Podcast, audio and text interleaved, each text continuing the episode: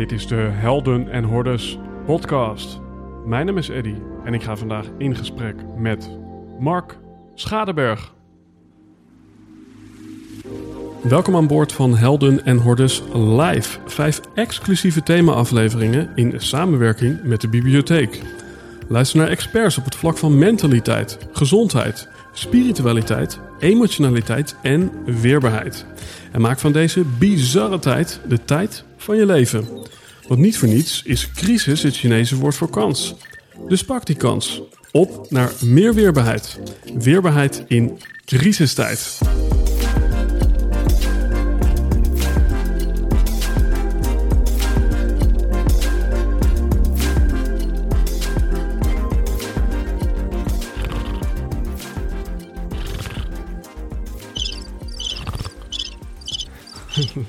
ladies, and gentlemen, wou ik zeggen.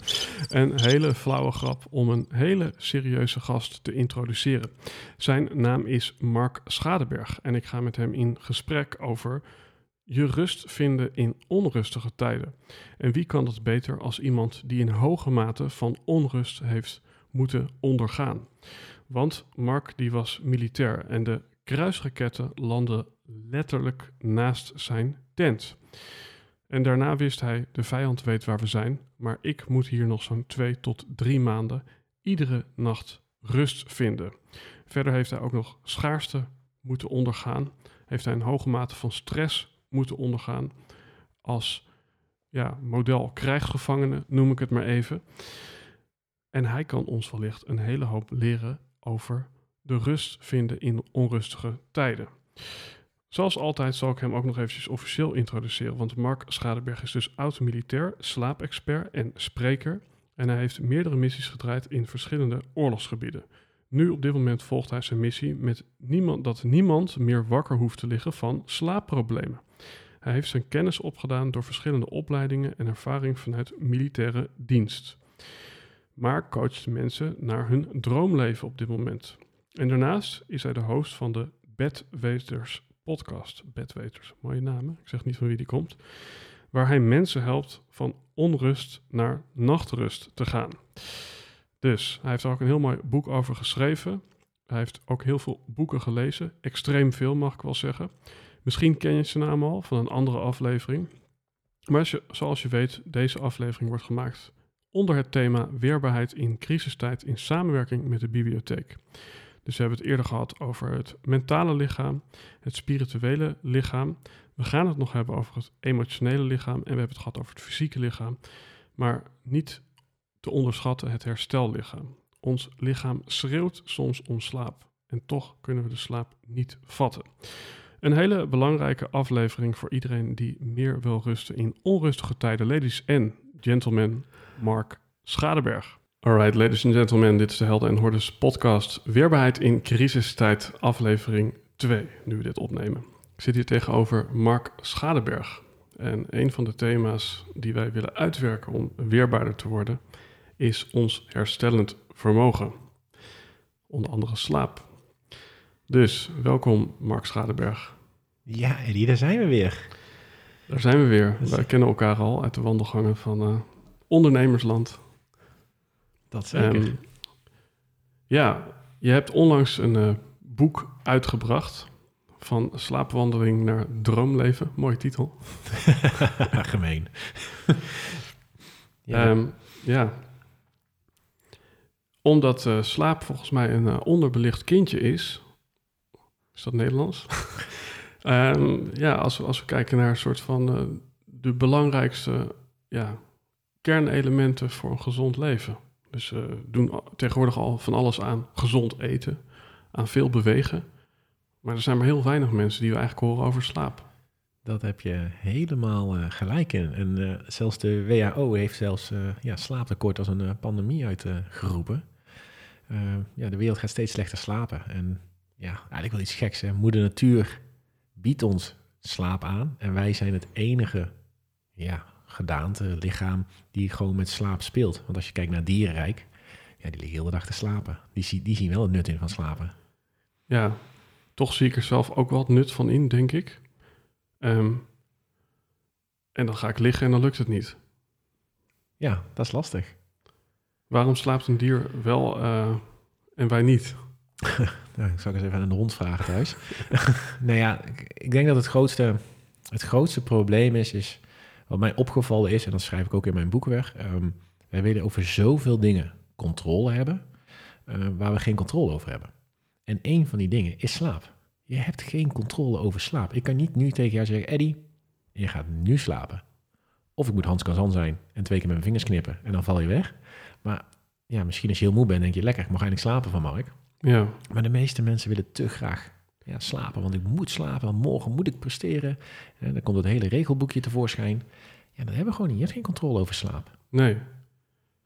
Zou je dat kunnen uitleggen? Want ik bedoel, vanuit uh, ja, de natuur, hè, uh, als we honger hebben, dan krijgen we een signaal, je moet eten. En nou, als we dat eten hebben, dan kunnen we eten. Waarom uh, ja, heeft ons lichaam het niet zo geprogrammeerd dat wij kunnen slapen wanneer we moeten slapen? Nou ja, wij, wij, kijk, wij, ons, hij geeft, ons lichaam geeft ook ons een signaal af. We, we worden s ochtends wakker, we hebben het, circadiaans ritme, je bioslaapritme, dat duurt ongeveer 24 uur en een kwartier. En die loopt de hele dag door. En eigenlijk rond een uurtje of 8, 9, dan gaat hij dus wat donkerder. En even de wintertijd nu niet meegenomen. Um, en dan ga je melatonine aanmaken. Een soort Dracula-hormoon noemen ze dat. Ik noem het even het slaaphormoon. En, maar gedurende de dag bouw je ook slaapdruk op. Adenosine, die dus opgestapeld wordt. Ja, en als die twee bij elkaar komt s'avonds, dan heb je een gouden cocktail om in slaap te vallen. Alleen we hebben tegenwoordig zoveel saboteurs, ja, dat we gewoon het adenosine uh, onderdrukken. Denk aan cafeïne. Die is hetzelfde molecuul als adenosine. Dus die gaat in dezelfde receptoren zitten. Dus na drie, vier uur, nou ja, eigenlijk na zeven uur, dan gaat de cafeïne uit je lichaam. Ja, dan is die adenosine zo hoog opgestapeld, dan krijg je die dip. Wat gaan we dan doen? Mhm. Nog meer koffie drinken. Licht zorgt ervoor dat je melatonine aanmaak verstoord wordt. Dus je lichaam geeft wel genoeg signaaltjes, alleen wij zijn heel de dag bezig om dat te saboteren. Ja, en daardoor, plus natuurlijk onze brein die niks wil missen, uh, ja, het liefst uh, de hele dag weer de Netflixen, ja, komt gewoon niet meer tot rust. Nee. Ja, en waar hebben we het dan zo druk mee? En waarom hebben we het daar zo druk mee? Ja, dat is een hele goede vraag, denk ik. Um, ik stel altijd de vraag aan mijn coachingscliënten: wat staat er tussen jou en slaap in? En dan krijg ik altijd hele mooie antwoorden. Maar waar het eigenlijk een beetje op neerkomt, is dat we gewoon uh, overprikkeld zijn, het brein. Veel stress. De hele tijd maar bezig zijn met diëten. Hè? Weer dieet dit, weer afvallen dat. We willen extreem veel sporten. Hè? We roepen dat als dat het een uitlaatklep is. Maar te veel sporten is stress. En stress zorgt ervoor dat je niet lekker gaat slapen. Ja. Dus ja, als je kijkt, ook wat ik in mijn boek wegschrijf, is dat het slapeloosheid, het slaapprobleem, is het topje van de ijsberg. Dus iets onder water loopt het niet lekker. Relatie, liefde, uh, gezin, werk. Nu deze crisis die er nu is. Ja, dat speelt toch echt wel in ons brein. En ons brein neemt gewoon een loopje met ons. Mm -hmm. Hoe slaap jij nu? Ja, interessant. Ik, uh, in de voorbereiding op deze aflevering, toen ja, hoorde ik in een uh, andere aflevering die je ooit hebt gemaakt van, oh ja, als je slecht slaapt, dan uh, ga je ook anders eten. Dan heb je bijvoorbeeld meer behoefte aan suiker en koolhydraten en toestanden. En toen kwam ik erachter, hey, ik heb soms van die dagen dat ik echt enorme cravings heb naar suiker. En nu breng ik dat voor het eerst eigenlijk in mijn leven in relatie met, oh, wie zegt dat ik dan zo ja, wel goed heb geslapen? Mm Mhm. -hmm. Oké, ik heb mijn uren wel gemaakt, maar heb ik ook diep geslapen? Ja. Ja, dus um, ik denk dat het, het, antwoord op dit moment is van waarschijnlijk slaap ik niet zo diep. Nou, dat kan. Of je, kijk, wat we vaak ook zien is dat, uh, of ja, dat ik ook merk in mijn coaching, mensen die heel lang in, in een dieet zitten, die gaan ook uiteindelijk heel erg graven. Dat is gewoon uh, verlangen eten. Je lichaam wil altijd eten. Mhm. Daarom zit er ook licht in de koelkast, zeg ik altijd. Alleen slaap zorgt ervoor dat je lichaam iets kan doen met het eten. Want alles wat je overdag doet, gaat hij in, de nachtuurtjes gaat hij dat herstellen. Dus als jij slecht slaapt, wordt je insuline verstoord. Je insuline aanmaak. Mhm. Daardoor ga je meer vet opslaan, meer buikvet. Nou, we weten nu wat laatst bij de onderzoeken. Mensen met veel buikvet zijn gevoeliger voor corona. Hè, zijn Ja. gevoeliger voor ziektes. Maar omdat jij slecht slaapt, is jouw slaapdruk hoog. Dus je bent vermoeid. Jouw brein gaat daar echt last van hebben. En waar leeft jouw brein op? Op koolhydraten. Maar die kan niet net zoals jouw lever die koolhydraten opslaan. Dus wat gaat hij doen? schreeuwen om ko- koolhydraatrijk voedsel. Ja, en dan gaan we vaak de makkelijke keuze Ja. maken naar de Snickers, sausijzen broodjes en dat soort dingen. Ja, ik denk dat, eh, hè, volgens mij is het ook een kip-ei verhaal van of je gaat beter eten en daardoor beter slapen, of je gaat beter slapen en daardoor beter eten. Maar wat maakt volgens jou dat er ja, in de media, hè, nu sta jij eigenlijk op als eh, slaapexpert, dat is mooi, staat op als Ja. slaapexpert.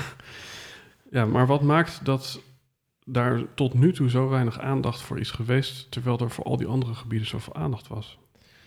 Ehm, als ik naar mijzelf kijk en naar mijn pad die ik gevolgd heb om slaapexpert te worden, is dat we als we wat jonger zijn, zijn we best wel veel bezig met het uiterlijk vertoon. Dus als je gezond eet en veel sport, krijg je spierballetjes en een sixpack.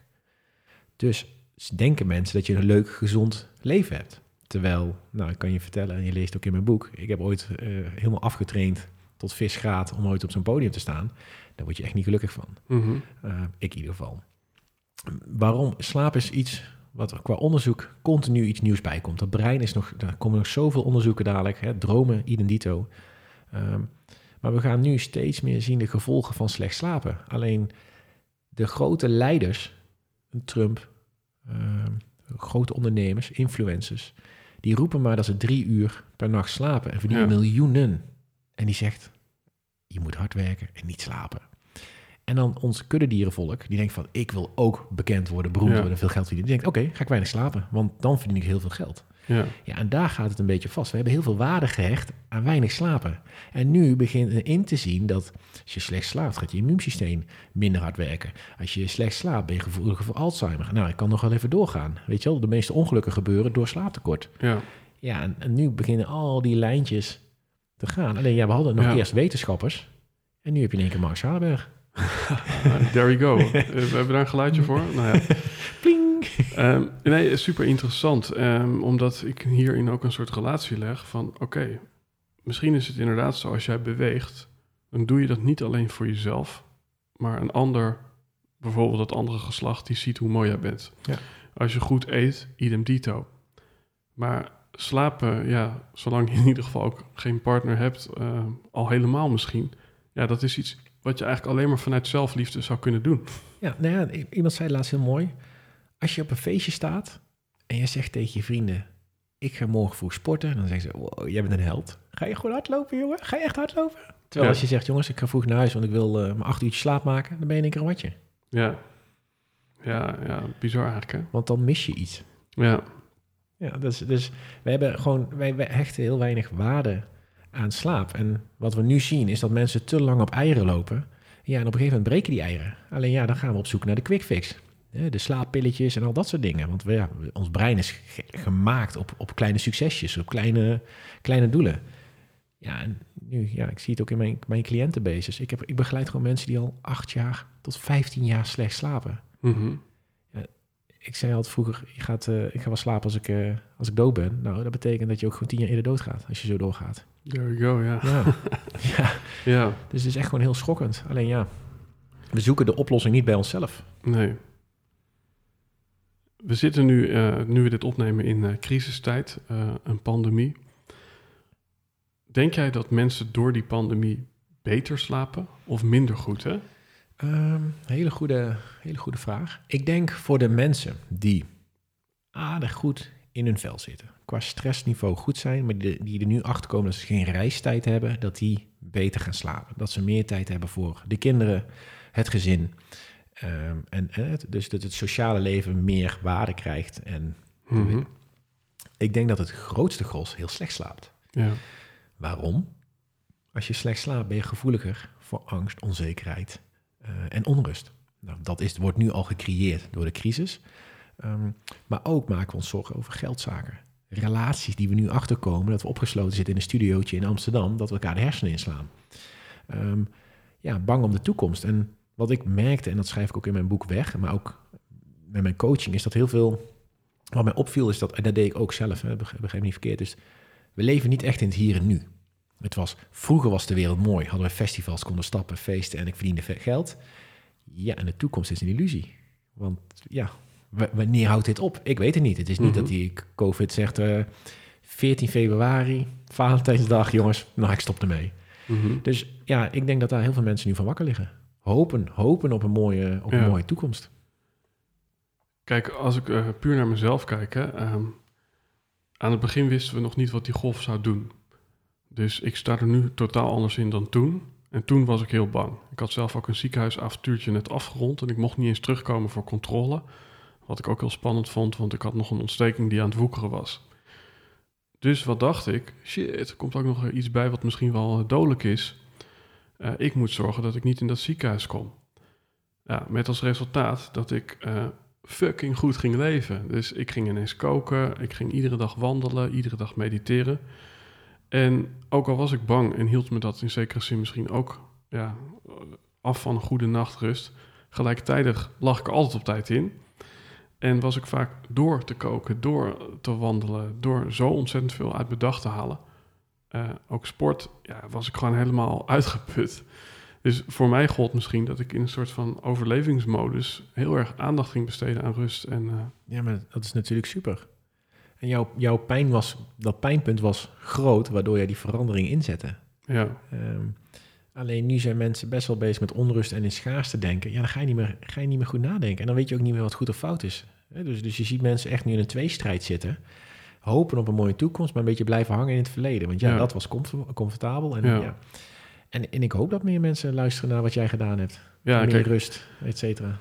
ja, kijk, dit was mijn wake-up call. En eh, leuk als mensen daarnaar luisteren. Kijk, ik denk dat het voor deze aflevering mooi is als je, als je jouw wake-up call deelt. Dus je hebt volgens mij 14 jaar was het bij Defensie gezeten. Klopt. Ja.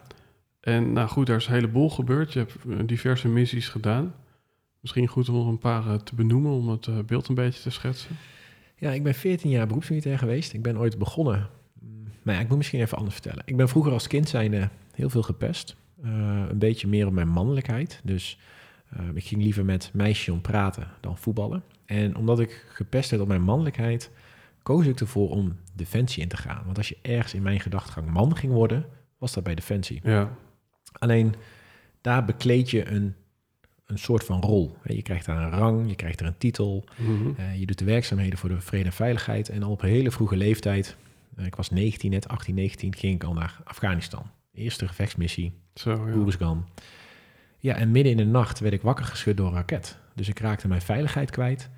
Ehm, Hoe ging dat dan? Even, even iets, iets meer woorden daaraan. eh, nou ja, we lagen er met z'n twaalf in een tent. We begonnen ooit met 200 man in een tent. Nou, dat gaf zoveel licht. Daar kon je onderhand eh, de Kim Kardashians eh, in Amerika mee eh, licht zijn. Licht waardoor? Door mobieltjes of... Nee, gewoon licht. Gewoon, ja, we Ja. moesten op tijd allemaal uit. Dus op een gegeven moment liep je alleen maar met kleine zaklampjes. Ja. Want anders kon je beschoten worden. Mhm. Want je moet je gewoon voorstellen, dat is gewoon een kale plaat met bergen eromheen. Nou, dan ben je natuurlijk gewoon een schietschijf. En op een gegeven moment gingen we dan in wat kleinere tenten slapen. En we wachten eigenlijk op de containers. Want die containers zijn dan bestendig tegen schieten en dat soort dingen. Ja, en ik lag in mijn slaapzak. Ik weet ik wel dat ik in een stapelbed lag. Ik lag in het onderste bed, want iedereen had zijn eigen slaapzak. En daarboven had je dan je spulletjes liggen. En, ja, en op een gegeven moment hoor ik eigenlijk een fluit en een knal. En ik, hoor, voel wat wind. Ja, en toen lag ik langs, langs mijn bed. En, en iedereen lag op de grond. En ik weet nog dat mijn commandant toen riep van... ja, die hoorde nog iets aankomen. Nu gaan we dood. Maar je lag langs je bed, waardoor? Door... Ja, gewoon door de knal en de reactie die je had. Want ja, Ja, ja. er komt iets van bovenaf. Ja, dan moet je snel maar onder je bed gaan liggen. In de hoop dat hij natuurlijk niet in de tent binnenkomt. Nou, we hadden geluk dat hij aan de andere kant eh, eh, explodeerde... in de zin van best wel ver weg. Maar ja, er komt heel veel druk vanaf. Ja, en de tweede raket die meteen er achteraan kwam... ja, die ging niet af. Ja. ja. Het was een blindganger. Maar ja, dat was wel mijn leeftijd voor de eerste keer dat ik in aanmerking kwam met een mogelijke doodscenario. En ja, Ja. verstoord worden in je nacht. Ja, Ja. dus je veiligheid was weg. En toen begon mijn slaapprobleem te creëren. Nou, dan heb ik uiteindelijk meer missies gedaan. Ja, Eh, want je slaapprobleem creëer je omdat je waarschijnlijk niet de volgende dag naar huis ging. Nee, nee, de volgende dag lag ik er weer. Ja, hoe, hoe, hoeveel dagen heb je daar nog moeten liggen? Lang genoeg. Ik denk dat het in midden nog drie maanden of zo. Ja, Ja, kijk, er gebeurde natuurlijk wat meer. En, en, en ik was jong. Ik was met allemaal mensen die al ijzer gevreten hadden in het buitenland. En- kreeg, kreeg je daar dan eigenlijk tips om Nee. bijvoorbeeld beter te slapen? nee, nee, want als ik erover praatte, dan was ik een mietje. En, en eh, nam je dan eh, bij wijze van spreken een whiskietje voor het slapen gaan of zo? Nee, de, ja, drank mochten we niet hebben, maar ik ging, ik ging extreem sporten. Ehm, Maar ja, dat kon- levert toch ook stress op? Ja, inderdaad. maar ik kon er niet over praten, want het was stoer dat we dat mee hadden gemaakt. Alleen in mijn beleving was dat niet stoer. Maar in mijn beleving had ik een moment iets meegemaakt en ja, Ja, dat ging ik wegduwen. En eh, later natuurlijk door mijn andere missies gebeurde van, van andere dingen. Ik zag ook natuurlijk ja, kindjes vroegtijdig overlijden, eh, schotwonden, brandwonden. Ehm, nou, ik ben uiteindelijk ook naar Oekraïne geweest, MH17. Eh, heb ik in Oekraïne ben ik, heb ik het een en het ander gedaan. Ja, en ik ben best een lieve jongen. ja, Ehm, daar werd ik vroeger ook op gepest. Ja, nu zit ik in één keer in een wereld wat mij wakker hield, omdat ik dingen aan het doen was die ik eigenlijk ja, nog niet klaar voor was. ja, Ehm, ja, uiteindelijk ben ik in 2015 dan, ehm, ik zeg al, ik ga een beetje wat sneller doorheen, want anders vertel ik heel mijn boek, maar in 2015 ben ik, heb ik een ondervragingstraining gedaan, dus wat moet je doen als krijgsgevangene? En hoe maak je iemand heel snel krijgsgevangene? Dus angst, onrust, onzekerheid, geen slaap, geen daglicht, geen eten en geen beweging. Ja, en toen dacht ik, wacht eens even. Zijn dit niet mensen in het dagelijks leven ook aan het doen? Alleen, Ja. ik doe het nu voor defensie, want misschien kan het me overkomen. Ik word getraind. Maar ja, als ik de verhalen hoorde van mijn omgeving, dacht ik, hé, hey, jij zit op je kantoor, maar volgens mij hebben we dezelfde training gehad. Ik word ervoor Ja. betaald, jij niet. ja, en, en toen ging bij mij de knop om. ja. Toen dacht ik, en nu, en nu wordt het tijd dat ik ga veranderen. Maar je wordt je dus aan de ene kant bewust van het belang van slaap. Eh, en je bent waarschijnlijk ook aan het zoeken naar een manier om te slapen.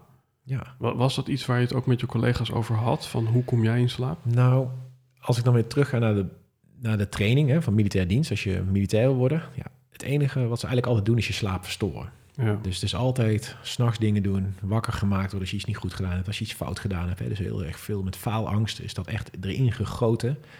Ehm, maar niemand keek daarom, want ja, er hoorde erbij. Weet je, wel. je ging s'nachts, of eigenlijk in het begin, begin van de ochtend, ging je aanval doen. Dus dan was je om drie uur s'nachts al wakker en om vijf uur, wanneer de zon een beetje opkwam, ja, dan viel je vijand aan. ja. Dus dat was altijd op de nacht, want ja, de vijand, de ene slaapt wel en de ander slaapt niet. Mhm. Maar praten, nee, nee, toevallig zit ik nu met Defensie eh, aan tafel om daar meer awareness voor te gaan ja, creëren. ja. Ja, ze mogen daar ook wel even wakker worden. Ja, nou ja, Ja, kijk, als je slecht slaapt, ben je gevoelig voor blessures. In een opleiding moet je heel weinig slapen, maar ze verwachten fysiek het meest. En tuurlijk, Special Forces, ik ben er niet zelf geweest, ik ben wel met de jongens eh, mee geweest. Ja, die, die, die leveren een topprestatie waar je u tegen zegt. Ja. Hè? Onder vermoeide omstandigheden, met veel gewicht, van alles doen. Echt macho respectos. Maar het, je leert iets aan, maar je leert het nooit meer af. Mhm. Dus toen ik in de burgerleving, alles wat ik geleerd had, hoogste gevechtsspiraal, stress, alertheid. Ja, nou, altijd ik aanstaan. liep in de Albert Heijn en eh, ik wist precies wie, eh, wie er een pinpas eh, drie achter in zijn portemonnee had zitten en hoeveel briefjes geld hij had. En ik, ja, ik zag alles. Ja, Ja, daar word je ook moe van. ja. Denk je dat dat altijd aanstaan, hè? want dat heb ik je ook wel eens zo ho- horen zeggen. Is dat iets eh, wat al in jou zat of is dat echt door die missie ontwikkeld? Ehm, ik denk dat het versterkt is door mijn missies, maar ik denk in de tijd dat ik gepest werd, dat het toen al, toen al is gaan ontwikkelen. Want ja, ik was bang natuurlijk dat ik op school opgewacht ging worden. Ja. Dus ik, de route die ik naar huis ging lopen, was altijd over mijn schouder kijken. Ja, Alleen ik denk wel door militaire dienst word je wel, eh, ja, wel sneller en eh, ja. ga je nog beter doen. Want ja, als je door het bos heen loopt, moet je ook opletten. Dat is misschien een beetje een kritische vraag, hè? maar zit ik hier met een slaapexpert of een altijd aansta-expert? En is hij altijd wakker of slaapt hij? Nee, ja, kijk, ik heb gewoon geleerd dat het aanstaan, eh, dat je dat gaat loslaten, door meer rust in te bouwen, meer naar je lichaam te gaan Mhm. luisteren, ga je uiteindelijk een fijn, plezierig leven tegemoet. Door altijd aan te staan, controle, ja, Ja. dan word je gewoon doodmoe en, en maak je niks meer mee van het leven. Ja.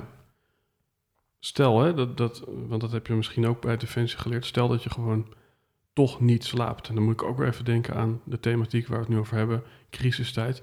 Dus mensen zijn toch bijvoorbeeld bang om hun baan te verliezen. Ehm, nou, en dan worden ze wakker na een, een te korte nacht of een nacht waarin ze te weinig hebben geslapen.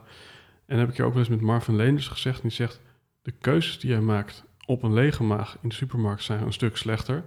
Maar de keuzes die je maakt eh, met weinig slaap, eh, als het gaat om de, ja, de, plek die je bijvoorbeeld inneemt in een discussie, in een relatie, is ook niet zo goed.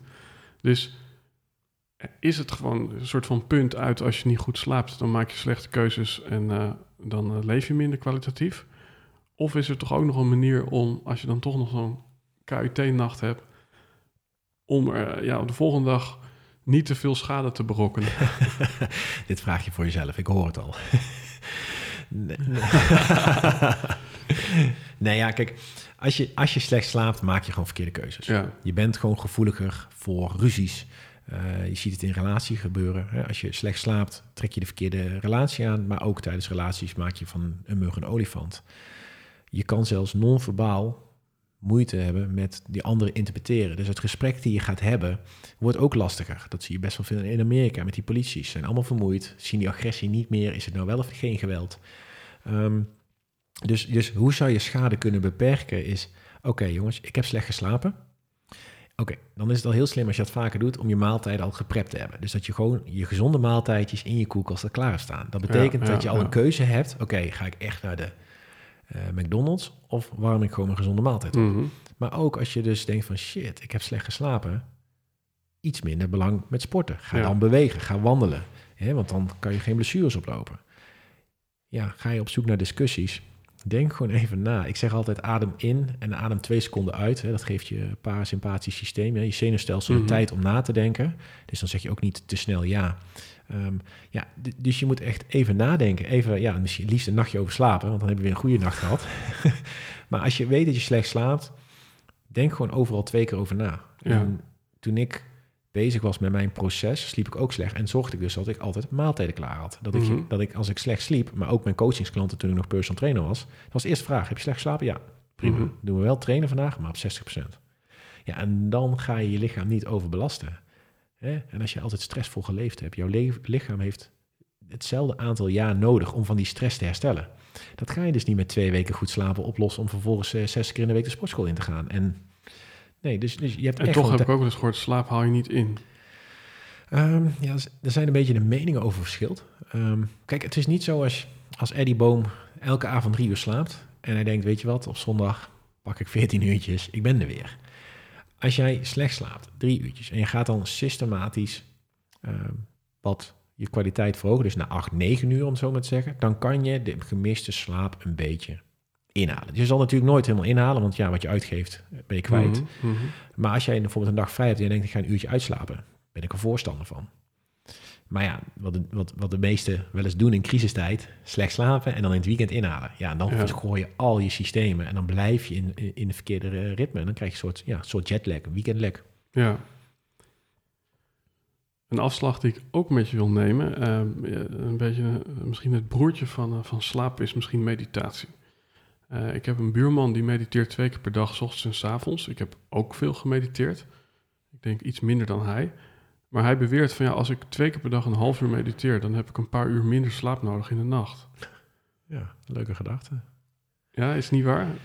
Ja, ik vind dat heel lastig. Je hebt ook yoga, yoga nidra. En een, een Ja. vriendin van mij, die, die geeft daar opleiding in. Ik vind het fantastisch wat ze doet. En ik doe, luister ook heel graag naar haar stem. Deep relax. Maar die, ja, Ja. Ja, ik vind het fantastisch en ik, ik denk ook dat mensen heel goed geholpen eh, mee, mee kunnen. Nu klinkt, maar het, ze beweren dat je vijf uur minder slaap nodig hebt. En dat vind ik wel vind ik heel lastig, want daar zijn eigenlijk de onderzoeken nog nooit op, op neerge, neergelegd.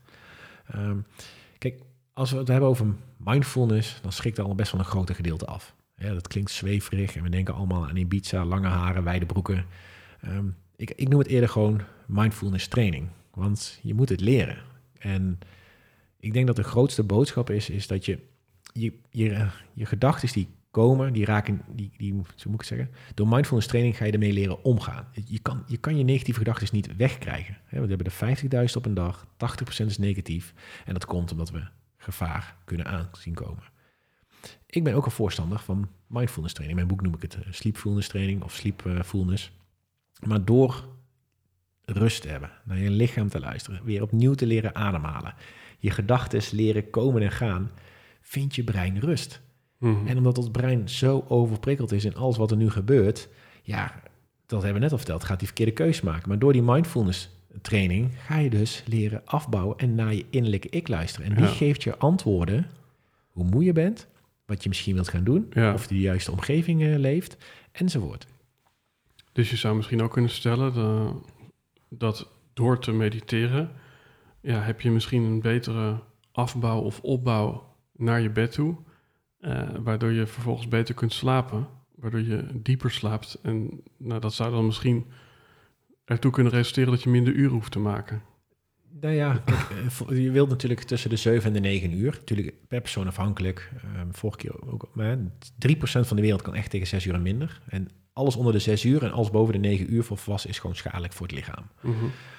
Maar ik denk, doordat je, nou ja, anders, omdat mensen niet mediteren en overprikkeld zijn, eh, zien ze slaap als een obstakel. Want ja, ze willen eigenlijk bezig blijven, want het brein Ja. is actief. Terwijl als je gaat mediteren, smiddags wat rust pakt, dan ga je uiteindelijk ook dieper slapen. Dus raak je uitgerust wakker, waardoor je nog meer kan genieten van de dag. Maar uiteindelijk blijft nog steeds die 7, 9 uur wel staan. Alleen je kwaliteit wordt veel beter. Dus ook het kwaliteit van leven. Ja, Kijk, het zal heel raar zijn als ik nu zeg, je moet twee keer 20 minuten mediteren en dat scheelt je vijf uur. De mensen die nu al heel weinig en slecht slapen, die denken, hey, weet je wat, ik mediteer niet, maar ik hoor wel dat ik vijf uur maar hoef te slapen.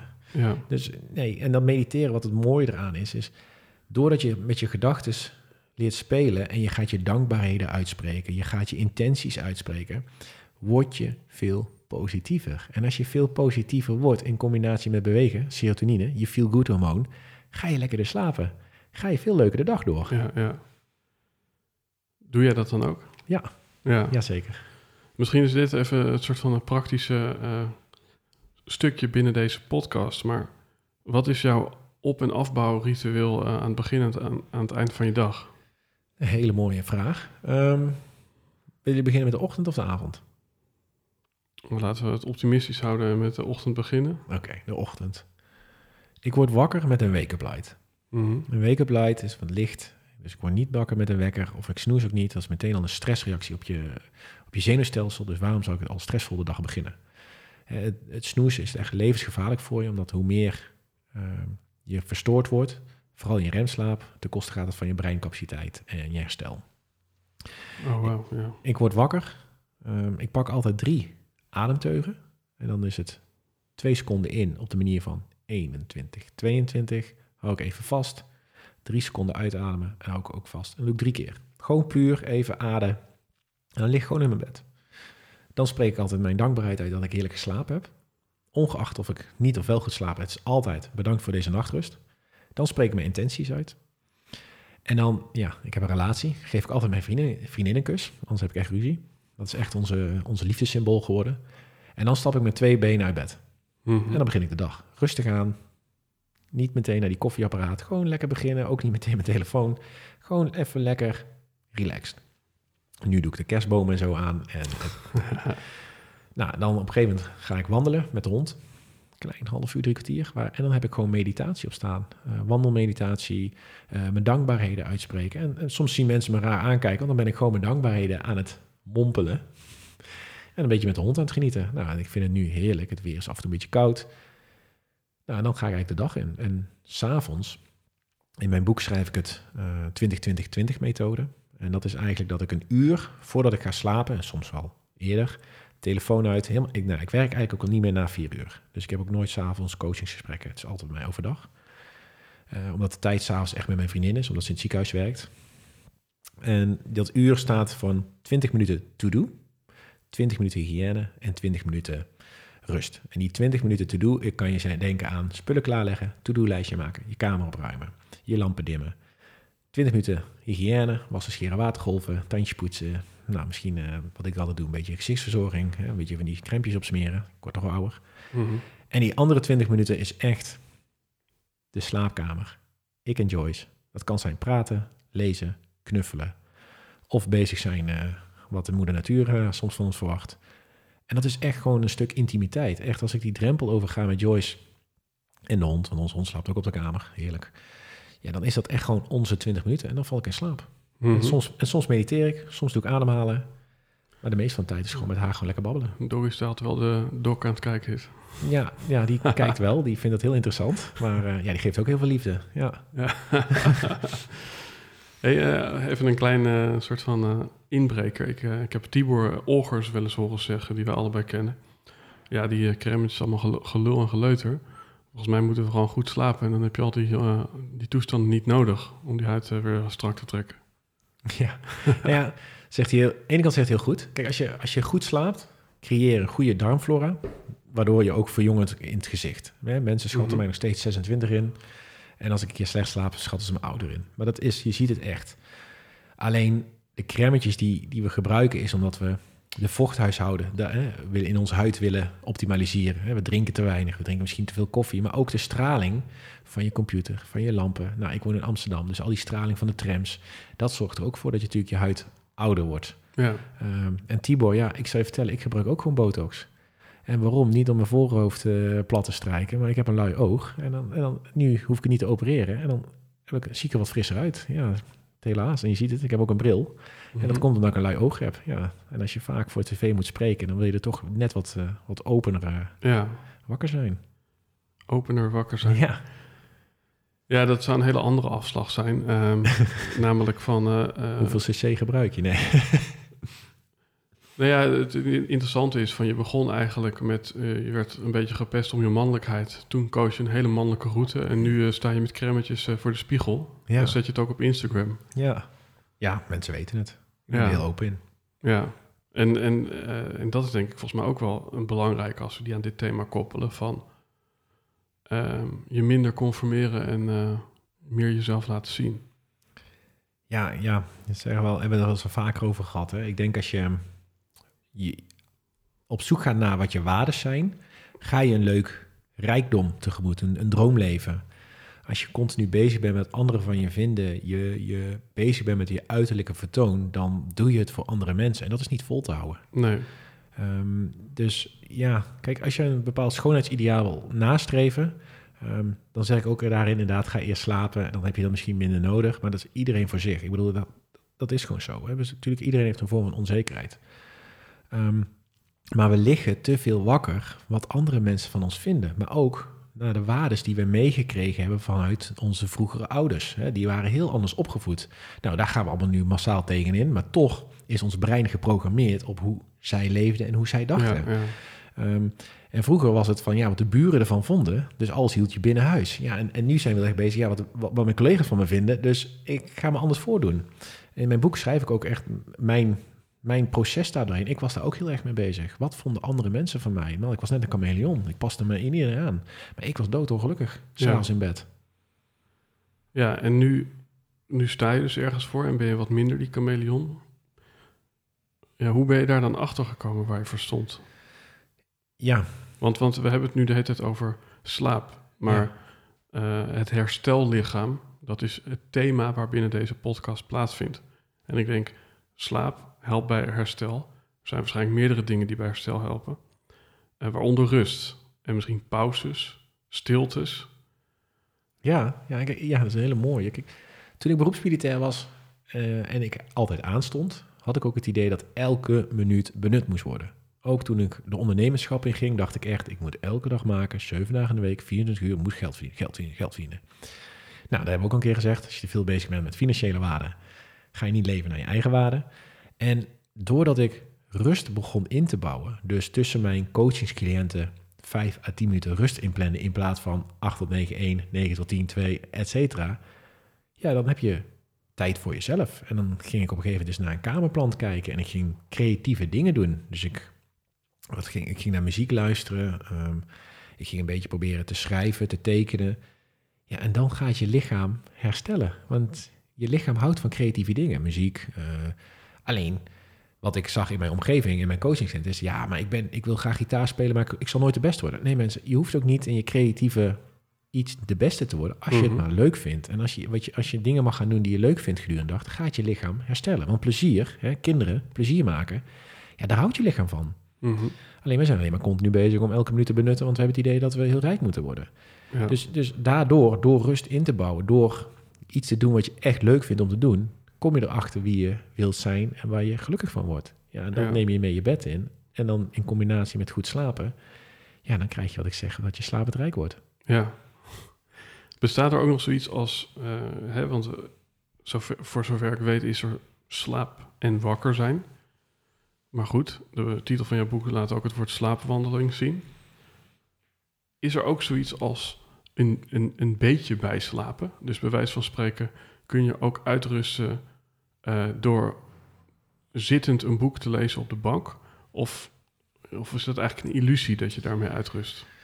Nou ja, je hersenen werken op eh, hersengolven, alfa, beta. En de alfa-straling is echt rust. Alleen wij denken dat de alfastrale rust ook Netflix is. Alleen mediteren is echt die alfastraling. Een boek lezen kan heel ontspannend zijn. Tuurlijk, ligt eraan waar het boek over gaat.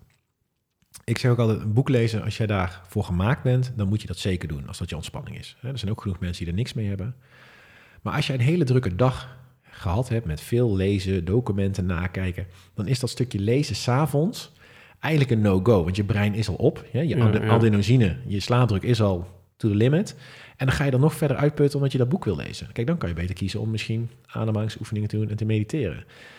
Maar het feit dat je iets doet wat niet veel effort vraagt, dus misschien dat lezen, mediteren, een powernap, is al een vorm van mentale rust. En Mhm. ja, je hebt altijd mentale rust nodig en fysieke rust. Mhm. En ja, da- daarom ben ik ook voorstander van een powernappy. Want het zorgt ervoor dat mensen even, even rust houden. Ja. In plaats van maar door blijven gaan. Want dat brein is gewoon overprikkeld. ja, en een kwartiertje powernap, eh, is dat e- echt onwijs eh, goed voor je? Of, Nou, kijk, het, dat hoor ik namelijk heel vaak. Ja, het begint een beetje vanaf zes minuten. Dan heeft het al effect op je brein. Ehm, en er zijn meerdere dingen in powernappen. Kijk, ik ben een voorstander 20 minuten tussen 12 en 2. Gewoon eventjes je ogen dicht doen. En als je niet in slaap valt, is het ook goed. Maar gewoon even niks doen, muziek luisteren, et cetera. Heb je echt een hele slechte nacht gehad, dan kan een powernap van 90 minuten helpen. Dan heb je een hele slaapcyclus en dan heb je meteen fysiek en een beetje rem. Ehm, maar wat ik vaak hoor, is dat mensen niet kunnen slapen in een powernap. Waarom? Omdat ze dan die controle weer hebben. Hey, ik ga nu een powernap doen, dus ik moet nu 20 minuten mijn ogen dicht doen. Ja. Ja, zo werkt het gewoon niet. Ik heb dat ook wel eens. Dan denk ik, oh, ik doe even mijn ogen dicht. Dan hoor ik de buurman fluiten of de vogeltjes. Ja, dat is wat het is. Dan blijf ik gewoon 20 minuten liggen en daarna ga ik Mhm. weer verder. Maar het moment dat ik even niet gestoord word door de attraction of al die dingetjes, zorgt ervoor dat je hersenen gewoon even een moment van bezinning heeft. Mhm. Dus, dus en ik denk dat voor de mensen die er nieuw horen, het feit, het gaat erom dat je gewoon even stilte en rust hebt. En of het nou even vijf minuten is of twintig minuten. Kijk, als je langer gaat en je valt in slaap, ga je dieper slaap in, verstoor je slaapsysteem. Maar pak tussen die vijf en die twintig minuten gewoon even je tijd voor jezelf. Ja. ja, ik heb een vader en een opa die eh, dat allebei doen. En ik merk wel eens dat dat ook als, ja, op, op noem het maar, eh, je, je wederhelft, die kan, die kan dat soms interpreteren als een afwijzing. Eh, eh, dus ehm, als je luistert, dan eh, heb ik niet eh, over jou. nee. Nee, kijk, maar ik denk wel van, eh, ik, ik heb dat namelijk al meerdere malen meegemaakt, dat rust nemen. En dan heb ik het niet eens alleen over mijn partner, realiseer ik me. Maar dat rust nemen, ook bijvoorbeeld bij mijn familie, als ik bij mijn ouders ga eten, of ja, in vriendschappen, dat dat als een afwijzing wordt gezien. Dat vind ik ook wel een interessant thema eigenlijk. Maar een afwijzing van dat je niet komt daar of dat je... Nou, dat je eigenlijk niet betrokken bent bij die ander, omdat jij ja, je dus blijkbaar afsluit. Want als je, als je gaat slapen, dan sluit je eigenlijk af van je sociale omgeving. Ja, ja, dat is wel grappig dat je dat zegt. Als ik naar mijn beste maatje ga, Thomas, Ja, die woont eh, in Brabant, dan val ik altijd in slaap in de bank. Ga ik gewoon liggen en dan val, ben ik gewoon weg. Altijd. En waarom? Omdat het, A, het is daar heel rustig. Ik heb in Amsterdam heel veel afleiding, maar ook dat ik me daar veilig voel. Alleen, ja, wat is, wat is een sociale afwijzing? Kijk, staat iemand heel de dag tegen je aan te lullen en, en, en, en doe je ogen dicht. Ik slaap. Ja, dat vind ik afwijzen. Maar als jij een moment pakt om tot rust te komen in een veilige situatie, want dat is het eigenlijk. Jij Ja. valt dus in slaap in een veilige situatie. Anders vallen we niet in slaap. Want ja, veiligheid Ja, en slapen. ja, Kijk maar naar dierenrijk. De helft van de dieren zijn nog half wakker voor het gevaar. Daar heb je ook avond- en nachtmensen en in-betweeners. Want ja, die vallen dan in slaap, die andere dan. Dan heb je drie uur over, nou, dan heb je de in-betweeners. Dus eigenlijk is het een heel mooi gebaar dat jij dus bij deze mensen, jouw familiekring, je veilig voelt, waardoor je dus gewoon je ogen dicht doet. ja, Kijk, het is anders natuurlijk als je volledig in een gesprek bent of dat je denkt, we gaan een liefde bedrijven en je zegt, oh, even wachten, even 20 minuten slapen. Dat is afwijzing, denk ik. ja, Maar als jij gewoon, dat je gewoon met diegene aan het kroelenboelen en je, en je valt in slaap. Ik denk dat het het mooiste, mooiste liefdessymbool is die er is. Want zij, zij toont dan veiligheid aan jou. Ja, het is grappig. Het doet me denken aan van... eh, nu hebben we het over relaties. Daar wil ik sowieso nog eh, eh, ja, aandacht aan besteden met je. Maar dat, ik geloof dat het Boeddha was die zei van... Ja, ik zat in het park en er liep eh, een stel voorbij... en die waren heel erg aan het praten. Nou, die hadden ruzie. Ja. Vervolgens liep er opnieuw een stel voorbij... en die waren een beetje aan het kletsen. Dat waren vrienden. En toen liep er een stel voorbij en ze waren stil. En er was liefde. Ja. Ja. Dus st- stilte staat volgens mij in die zin ook voor liefde. eh, tot rust komen bij elkaar. Ook, maar we zijn ook bang dat er stiltes valt. Want ja, er is nooit geleerd dat stiltes normaal is. Ja, als je op de tv kijkt, horen we altijd met mensen praten. Er is nooit een pro- praatprogramma die gewoon een minuut zijn mond houdt. Nee, want dat kost heel, de zendetijd heel veel geld. Ja, dus, dus wij zijn ook ehm, gewend, en ik denk ook wel dat je dat weet in jouw coachgesprekken, laat maar eens een stilte vallen. En mensen beginnen het op te vullen. Ja, ja, ja, ja. Dus ja, lekker eh, mensen, gewoon af en toe lekker je mondje houden. Kijk, ik vind het anders als je in een restaurant zit en je ziet mensen dan niks zeggen, maar wel met hun telefoon spelen. Nou ja, dan is er in mijn ogen iets niet goed. Maar ik zit soms gewoon vaak genoeg met mijn vriendin, toen we nog uit eten konden, en dan keken we elkaar aan en dan waren we lekker aan het smikkelen, maar aan het genieten Ja. van de ambiance en van elkaar. ja. En dat was niet van, hé schatje, is lekker hè, dit. Ja, vind je ook, kijk eens die mensen daar zitten. Nee, het was zij en ik. Mooi. En nog ja. steeds. Maar Ja, nog steeds. Ehm, ondanks of dankzij het feit dat jullie iets meer op een kluitje zijn gaan zitten met de pandemie. En dat vind ik een mooie brug. Ehm, ja, we, we zitten nu wat meer bij elkaar. Ik kan ook zeggen, een heleboel mensen zijn nu een stuk eenzamer. Maar er zijn meer, minder mensen in ons leven over het algemeen... die veel vaker eh, ja, fysiek in ons leven verschijnen. Dus dan heb je de hele dag al met je vriendin in datzelfde huis gezeten. En dan moet je nog s'avonds naast haar gaan liggen. ja, Nou, eh, dat kan natuurlijk ook allerlei dingen spiegelen en eh, confronteren. Geloof jij dat ehm, stelletjes, en misschien is het gewoon wetenschap, en geloof je het niet, ja, dat die minder goed slapen in het bijzijn van iemand die naast je ligt? Eh, want zoals een vriend van mij zegt van ja, ik eh, slaap nu alleen, eh, ja, want dan kom ik toch een stuk meer bij. Ja. Nou ja, ik begin eerst bij het eerste. De, de pandemie nu, veel mensen. Kijk, ik denk dat het grootste probleem is bij heel veel relaties... is dat mensen zich anders voordoen dan dat ze werkelijk zijn. In mijn boek schrijf ik dat ook. Ik heb dat ervaren, ik heb dat ook gezien in mijn coaching. Maar we willen best wel vaak de perfecte partner zijn. Dus we, we nemen een bepaalde rol aan. Dat is lekker te verbloemen als je de hele dag werkt... en s'avonds elkaar eventjes ziet en dan... hè, je hebt allemaal druk, druk, druk. Ehm, maar nu word je geconfronteerd met je echte ik. Ja, Dus ook van je partner. En hoe leuk is het en, eh, dat je je partner erachter komt dat je net zo'n weirdo bent als zij.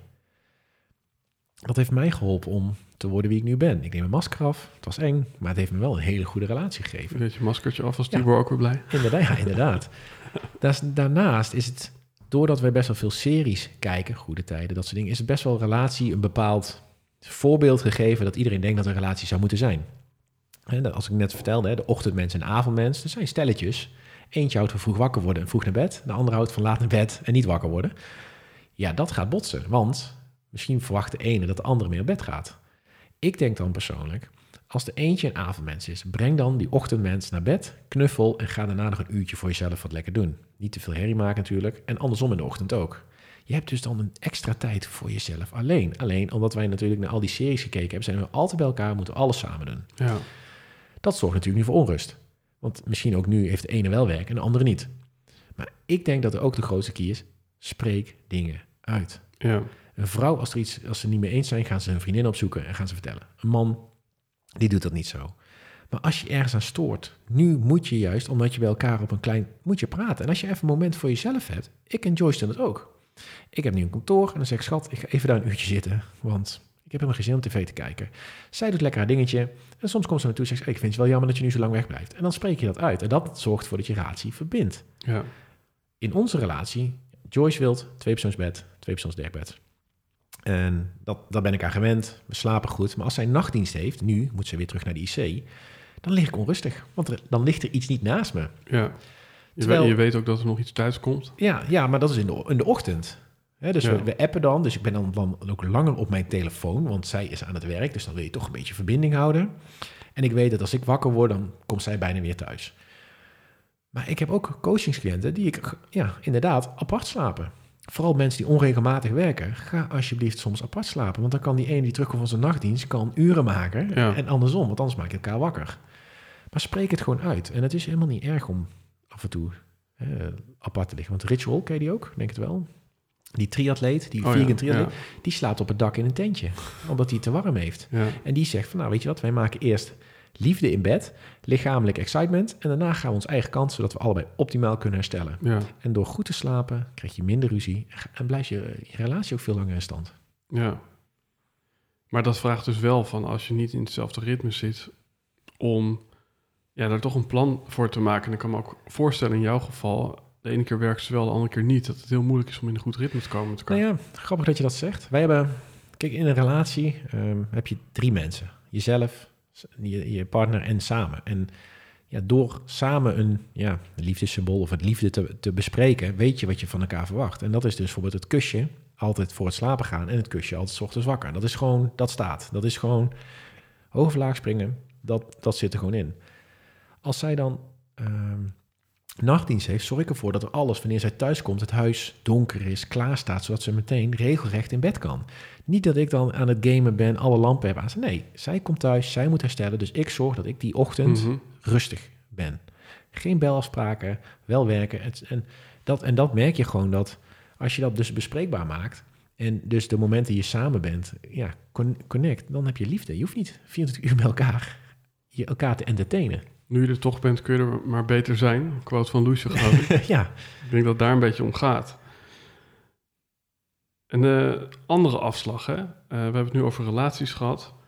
Eh, waar we het nog niet over gehad hebben, dat is over, ehm, nou ja, ene- eigenlijk waar we het nu de hele tijd over hebben, is de kwaliteit van leven. ja, Wat er tegenover staat, is je leven verwaarlozen, zou je kunnen zeggen. En ehm, het lijkt er bijna wel op dat wij van nature eh, het leven vieren door eh, ja, te ja. verwaarlozen. ja, inderdaad. Ik eh, weet dat wij een, dat is even een confession, maar wij hebben dezelfde guilty pleasure en dat is een, een frietje. Ja, vanavond weer. Ja? Ja, ja ze appte net al. Oh, top. Helemaal te gek. Ja, Ja, heb ik ook. Maar ehm, ja, dat lijkt me dan ook wel... Misschien even, even daar beginnen. hè? Oké, dus blijkbaar als er feest is, als er iets te vieren valt... gaat het ten koste van onze beweging. Want dan staan we misschien thuis of we zitten op de bank. ja, Het gaat ten koste van goede voeding. Want we eten een zak chips en we drinken een biertje. ja. En het gaat ook ten koste van onze nacht. Want eh, de meeste feesten die beginnen na twaalf. En hetgeen wat je eet en drinkt, bevordert niet je nachtrust. Ja, Ja. waarom? Poeh, ehm, Moeilijke vraag. Nou ja, wat ik geleerd heb is dat door vet eten vult emoties. Dus als je ja, een bepaalde e- emotie voelt, kan je dat met vet eten kan dat, eh, eh, helpen, ondersteunen of eh, wegduwen. Maar ook daarin is denk ik weer wat we vroeger hebben meegekregen. Je verjaardag vier je met het eten die je eerder doodmaakt. Ja, de taart, de snoep, de chips. Ehm, en ik ben op spirituele basis, moet je, moet je, zeggen ze, je verjaardag vieren. Want het is natuurlijk iets nieuws, een nieuw levensjaar. Maar ja, het staat natuurlijk wel heel raar als je iedereen eh broccoli soep geeft. En, eh, hè, dus ja, dan gaan we toch allemaal uitpakken met allemaal gekke dingen. Dus we verzadigen onszelf met ja, energierijke voeding, waardoor we dus stuiterend die dag doorgaan. Ehm, ja, en het is een soort beloning. Belonen dat je eh, iets geregeld hebt, belonen dat je een drukke dag hebt gehad. Ehm, ja, of je bent gewoon moe, dus dan ga je liever voor dat soort voeding. Want dan denk ik, ik heb geen zin om te koken vanavond. Ja. Nee, dus ik bestel maar een frietje. Eigenlijk is dat frietje die wij vanavond besteld, is puur omdat ik een hele lange dag heb gehad en morgen weer. En mijn vriendin vandaag weer op de IC moest werken. Ja, Is het eigenlijk zo van, nou, we hebben geen zin om te koken. Ah, dan bestel een frietje. ja, Voor beloning. Ja. ja, ja, Terwijl je dat nog moeer maakt. ja. eh, en ja, je lichaam iets anders van uit laat zien dan dat je hoopt. Ja, ik heb me wel eens laten vertellen, dan moet je gewoon dingen in de koelkast zetten voor Ja. dat je... Ja, nou, dat klopt. Ik ben daar de laatste tijd wel heel slecht in sinds mijn boek uit is. Maar eh, Ja, de buitenspin. ja, ja. Maar oké, ehm, dus blijkbaar op dat soort zwakke momenten maken we ook zwakkere keuzes. ja, dat gaat ten koste van zijn gezondheid. Ja. Dus waardoor je nog gevoeliger wordt voor zwaktes. Mhm. We zitten hier natuurlijk eh, vanuit eh, ook eh, de bibliotheek. Ehm, we hebben de handen ineengeslagen, zeg je dat zo? Om, om eigenlijk te kijken naar van, hey, hoe kunnen we mensen nou iets bieden in de tijd dat het donker wordt, dat het koud wordt, dat het griepvirus heerst, eh, dat we ook nog in het griepseizoen zitten volgens mij. Al die dingen bij elkaar zorgen ervoor van, we kunnen ons eenzaam, ellendig, ja, eh, en minder sterk voelen en minder gezond voelen. En nu heb je natuurlijk zelf een boek, Ja, eh, maar vanuit het thema bibliotheek dachten wij van nou, hoe leuk zou het zijn als we mensen vragen van welke boeken hebben jullie geïnspireerd om op dat specifieke thema gezonder, eh, vitaler en vooral weerbaarder te gaan leven. Nou, voordat ik jou ga vragen eh, om naast je eigen boek nog twee andere boeken te noemen die mensen kunnen helpen op het stukje herstel, rust, slaap en eh, ja, misschien stilte. Allereerst, hoe zorg jij ervoor? Want ik weet, jij, leest belachelijk veel. Misschien is dat eventjes goed om dat in een getal uit te drukken. Ja, wat was het ook alweer? Hè? Ik heb het nog een beetje over gehad. Hoeveel ik lees ik ook alweer? Was het ook alweer tien uur per week? Ja, nee, het, voor- hoe, hoeveel jaar lees je al? Want het is, het, het is vrij krankzinnig. Ja, vanaf een zeventiende denk ik. Vijf, zestiende lees ik al boeken. Ja, en dan eigenlijk praktisch iedere dag Ja. of een podcast of Ja. een boek. Ja, ik ben altijd bezig met ontwikkeling. Ja, gewoon eh, iedere dag. Ja, ti- minimaal tien pagina's. En Ja, ja. laatst ben ik naar Portugal op vakantie gegaan, zeven dagen. En dan lees ik negen boeken uit. wauw. Ja. En de helft onthoud ik niet, maar de belangrijkste dingen neem ik weer mee. Heb je, heb je ook een cursus snel lezen gedaan? Nee, want ik heb altijd dyslexie gehad. Maar ik denk dat dit mijn brein nu heel goed kan shiften. Dus ik kijk ook alles op anderhalve snelheid. Om gewoon de kernwoorden eruit te halen. En heel veel dingen weet je onderhand wel een beetje. hè. Bedoel, ja, de tijd gaat wel heel snel. Maar de boeken blijven soms nog wel een beetje hetzelfde. Ja. Je kijkt op anderhalve snelheid. Is dat dan gewoon net zoals eh, audio van Storytel, maar dan in Ja. tekst, dat hij hem zelf omslaat of zo? Nee, nee. Ja, kijk, als ik naar video's kijk of podcast. Vooral Engelse podcast. Ja. Die doe ik al op anderhalf. Want val- die praten soms wel heel sloom. Ja, En dan ben je iets sneller klaar.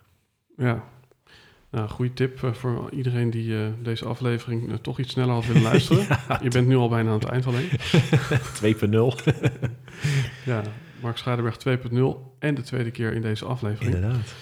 Ehm, de vraag die ik dan heb, ik ben zelf ook iemand die al behoorlijk gestudeerd heeft. Hoe kun je ervoor zorgen dat alles wat je hebt gelezen ook bent gaan leven? Eén letter verschil, maar wel een hele belangrijk. Ja, toepassen. Want het kan ook een soort dissociatie zijn. Hè? Het kan er ook toe leiden van nou, ik lees erover en dan doe ik net alsof ik aan het ontwikkelen ben. Ja, dat is een hele, hele mooie dat je die zegt. Want ik denk dat ik dat in mijn vroegere, jongere jaren eh, zeker deed. Ik las en ik dacht, dit is het. Totdat ik ook opleidingen ging volgen waar het verwacht werd dat ik het ging toepassen. En ook in mijn coaching. ehm, nee, ik geef zes slaapconsulten, een traject. En dat is meer dan alleen zes consulten. En dan moeten ze opdrachten doen. Want we weten allemaal dat we goed moeten gaan slapen. Maar dat ga je pas doen als je het gaat toepassen in de werkelijkheid. Ja, En dat ben ik dus ook bij boeken gaan doen. Dus ik koos wel vaak, heb ik boeken die kennis delen. En dan ga ik het ook echt toepassen. En alleen niet alles, want sommige dingen heb je al een keer gedaan. hoe weet ik dan wat ik moet toepassen? Ja, dat, dat is wat jouw gevoel natuurlijk ook een beetje zegt. Ik, ik- ik geloof heel erg dat dingen op je pad komen wanneer het voor jou nodig is. Dus dat je een bepaalde boek bestelt en je leest en denk je, ja, dit is interessant. En sommige boeken lees ik eh, terug. Hè, dus sommige boeken ehm, pak ik weer en dan begin ik weer opnieuw en denk ik, hey shit, dat ik, oh ja, nou kan ik het wel gebruiken.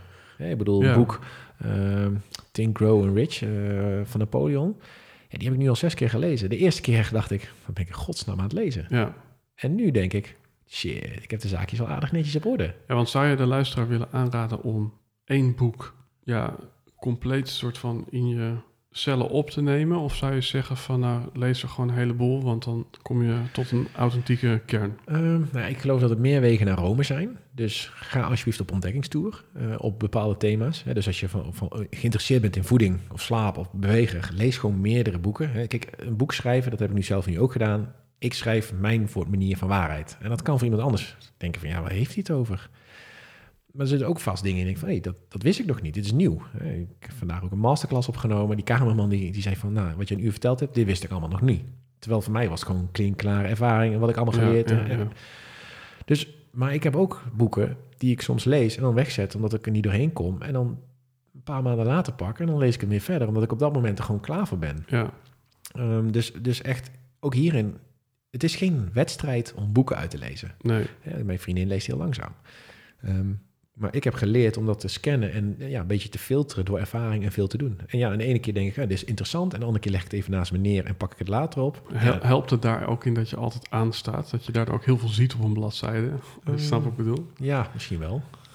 Ja, ik lees wel heel snel. Ja. En dat, dat, Je hebt geen cursus snel lezen gedaan? Nee, nee, ik- nee, maar ook met typen op mijn toetsenbord heb ik me ook ooit aangeleerd. Snel typen. Ja, ja. ja. Maar ik denk echt voor de mensen die luisteren, je hebt drie verschillende boeken. Je hebt boeken zoals een Harry Potter, hè, die, die Mhm. laten je brein een, een wereld maken. Je hebt boeken die fucking zo sterk zijn en daar wil je geen spelfouten zien. En dat is klinkklare, harde kern. En je hebt boeken die je gewoon ja, kan lezen en je kan er iets mee doen. En, en ik denk ook dat als je weet wat je interesse is, dan moet je ook een van die boeken kiezen. En ja, je hoeft niet alle boeken te leren met... met ik, ik, ja, ik had het laatste boek van Barack Obama bijvoorbeeld. Leek me fantastisch gaaf. Ja, en 100 pagina's ben ik ermee gestopt. Ik kwam er gewoon niet doorheen. Mhm. Dan kan ik A, mijn ego zeggen, we gaan door, want het zijn 1100 pagina's en we moeten hem uitlezen. Of je zegt B, voor nu is het gewoon even niet het boek wat ik wil lezen. Ja. En dan zet je hem in de kast. Lees jij heel gericht of lees jij echt binnen een bepaald thema? Mm, ik probeer twee om één te doen. Dus twee boeken wat te maken heeft met iets van ontwikkeling, spiritualiteit, slaap, et cetera. En één boek, lekker luchtig. Ik, ik lees voor het graag eh, Jack Reacher. Ehm, een, beetje, een beetje baantje eh, hier in Nederland, maar dan Mhm. eh, in Amerika. Ehm, een beetje half James Bond-achtig. Ja, en dat leest weg. Kijk, de verhaallijnen gaan identiek bijna altijd hetzelfde. hè, eh, maar het geeft ook mijn brein rust. Want alleen maar informatie verobberen, dan ga je, wat je net zei, dan ga je er uiteindelijk helemaal niks mee doen. Mhm. Trommelgeroffel en stilte. Dat was heel goed, dat hebben we net geleerd. Misschien even gewoon beginnen bij je eigen boek. Eh, waarom zouden mensen het boek van slaapwandeling naar droomleven moeten bestellen, moeten huren, moeten jatten bij je beste vriend uit de kast? Ehm, nou, ik denk dat de manier hoe mijn boek geschreven is, met humor, ehm, een stukje in de keuken geeft wie Mark Schaanweg is. Dat is niet om te laten zien hoe zielig ik ben geweest, maar wat ik gemerkt heb uit de mensen die het gelezen hebben, zien ze eh, gelijkenissen, maar dan op een andere manier. Wat ik je zei, slecht slapen komt vaak voor dat er iets niet lekker loopt in het leven, alleen dat willen we nog niet geloven. We willen op zoek zijn naar die quick fix. En doordat ik zo open en kwetsbaar ben geweest, gaan mensen zich reflecteren, maar zien ook dingen bij zichzelf van, hey shit, eh, oh wow, hij heeft dit meegemaakt, ik, ik heb ook iets meegemaakt. Vervolgens gaan we naar de slapende hond wakker maken.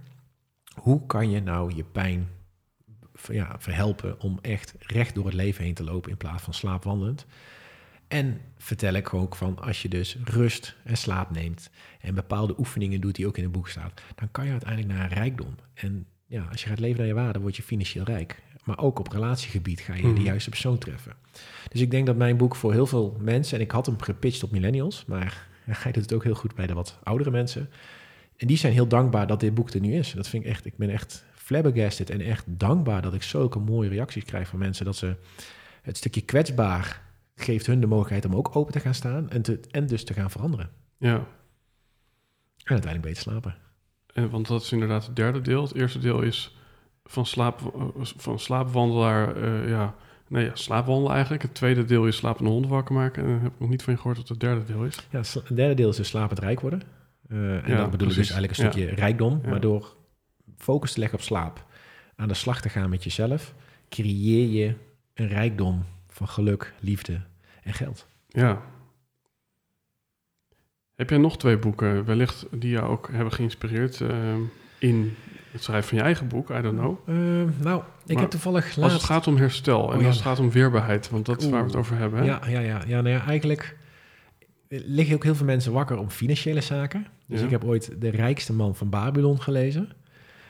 Eh, dat heeft te maken met hoe je met bepaalde dingen van geld om kan gaan. Wel een vette titel. Ja, het is ook echt een heel leuk boek. Hij is nu ook in het Nederlands, eh, ook via de uitgever Napoleon. Ehm, en waarom vond ik die zo interessant? Omdat die, we leven nu in schaarste. En ja, dat stukje financiën zorgt gewoon dat we ook echt sneller ziek worden. En toen ik dat boek gelezen heb, en het is echt een heel klein boekje, die geeft op een mooie, mooie manier in de geschiedenis over een mooi dorpje die er vroeger ooit eh, bestond, hoe ze daar met geld omgaan. Dus eigenlijk een soort metafoor. En dat heeft mij zo geholpen met mijn onderneming en zo geholpen om niet meer financiële angst te hebben. En ja, een van die voorbeelden is bijvoorbeeld, als je geld hebt, geef negen dingen uit. Dus je zou geld veranderen in tien eieren, geef negen eieren weg, hou je altijd eentje over, waardoor de mand altijd gevuld gaat raken. Ja, en dat ben ik ook gaan doen met mijn rekeningen. Altijd 10% weggezet. Ja, en nu bouw ik in één keer een soort financiële rijkdom op. En dat geeft zo'n goede, goede rust en ook vooral goed voor je ja, mentale weerbaarheid. Ja. Ja, nee, ik vind het ook mooi, hè, even een soort van, eh, wat ook gewoon duidelijk wordt. En dat is natuurlijk in de hele lijn van deze vijf thema's die we in de podcast behandelen, maar alles hangt met alles samen. Ja. En eh, nou ja, oké, eh, blijkbaar kan dus ook financiële rust ertoe resulteren dat je wellicht weer beter slaapt. Ja, en als je beter deze, slaapt, kan je weer meer verdienen. Inderdaad, ja, inderdaad. Ja, deze, deze crisis liggen, ze hebben onderzoek gedaan, liggen heel veel mensen wakker vanwege financiële onrust. Ja, Dus ik denk dat dat echt een boekje voor heel veel mensen een bepaalde mindset kan veranderen op financieel hè, gedachten. We associëren natuurlijk geld soms als negatief. En het derde boek, ja, ja ik, ik heb zoveel gelezen. Kijk, ik vind Michael Pilacic, eh, Master Your Mindset, vind ik gewoon heel sterk. Mhm. Uh, hij heeft hem nu uh, geüpdate met 48 pagina's. Ja, en eigenlijk denk ik dat dat voor nu heel veel mensen gaat helpen. En waarom? Daar komt hij alweer. Dankbaarheden, mediteren. Um, hoe sta je in het leven? Mhm. En dat is in deze crisis denk ik gewoon nodig. Pak, eigenlijk krijg je nu vanuit de crisis, nee, je zei het net al zo mooi, hè, dat de term in China staat voor ontwikkeling of Kans, kansen. Ja.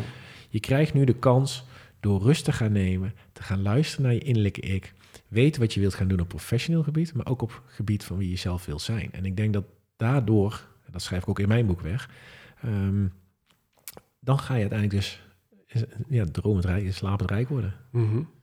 Maar je moet het wel doen. ja. Je moet wel die actie ondernemen.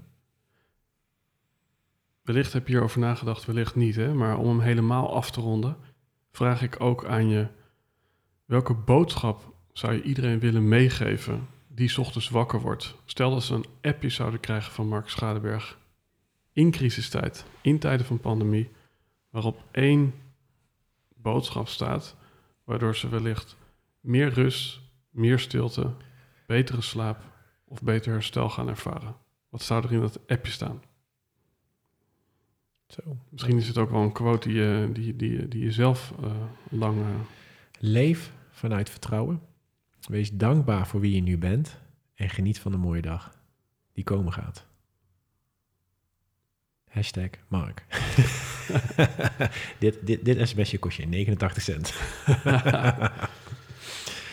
nee, ik denk echt dat mensen gewoon meer... Trouwens echt een slecht voorbeeld. Om dan, ja, dan moet je namelijk wakker worden met je telefoon. En dat Ja. hadden we nou juist afgesproken Ja, dat we dat niet deden. Die moesten doen. Nee, ja, dat klopt. Nee, ik denk dat meer mensen gewoon echt vanuit vertrouwen mogen gaan leven. Dankbaar mogen zijn voor de dag die komen gaat. En, en vooral dankbaar mogen zijn voor wie ze nu zijn, ongeacht wat hun verleden is. Want ja. Ja. dat heeft ervoor gezorgd dat je nu bent wie je bent. En vanuit daar kan je verder. Box. We krijgen nu echt straf van het RIVM waarschijnlijk. Ja, Maar eh, wij zijn eh, vrienden, dus dan mag het. ja. We zitten in de circle. Hey eh, Mark, super tof om jou hier weer aan tafel te hebben. Ehm, ja, ook mooi om hierin hopelijk ja, een nieuwe doelgroep aan te spreken. Want mijn podcast heeft inmiddels een achterban. Eh, jij hebt inmiddels eh, x bijna 30.000 volgers. Maar hoe mooi is het als wij met deze aflevering ook via de bibliotheek mensen bereiken die hun slaap het hardste nodig hebben. Dus daarvoor many thanks. Ik kijk even in de camera, anders wordt mijn vader kwaad. Want eh, ik doe dan altijd een aankondiging. Als je een van de drie boeken die Mark genoemd heeft wilt checken, wilt kopen, ja, dan zal er een link in de bio van deze podcast staan. In de show notes moet ik zeggen. Ehm, is er nu één plek in het bijzonder, Mark, waar je mensen naartoe wilt verwijzen? Een plek. Ja, een eh, domein, een eh, domeinnaam misschien. Moeten ze je volgen op Instagram? Mag. Ja, kijk, moeten, moeten vind ik altijd zo heftig. Nee, ja, als ik, als ik, ik hoop dat ik mensen heb kunnen inspireren. eh, ja, in actie heb kunnen nemen. Ja, als ze dat leuk vinden, dan zal het heel gaaf zijn als ze me willen ook volgen op social media. Mark.schadenberg. Eh, en denken ze, ja, ik heb hulp nodig bij coaching. Dan kunnen ze naar mijn website, markschadenberg.com, om ja, een wake-up call in te plannen. En dan eh, ga ik samen met deze mensen aan de slag om ja, op zoek naar dat waardevol leven en beter slapen.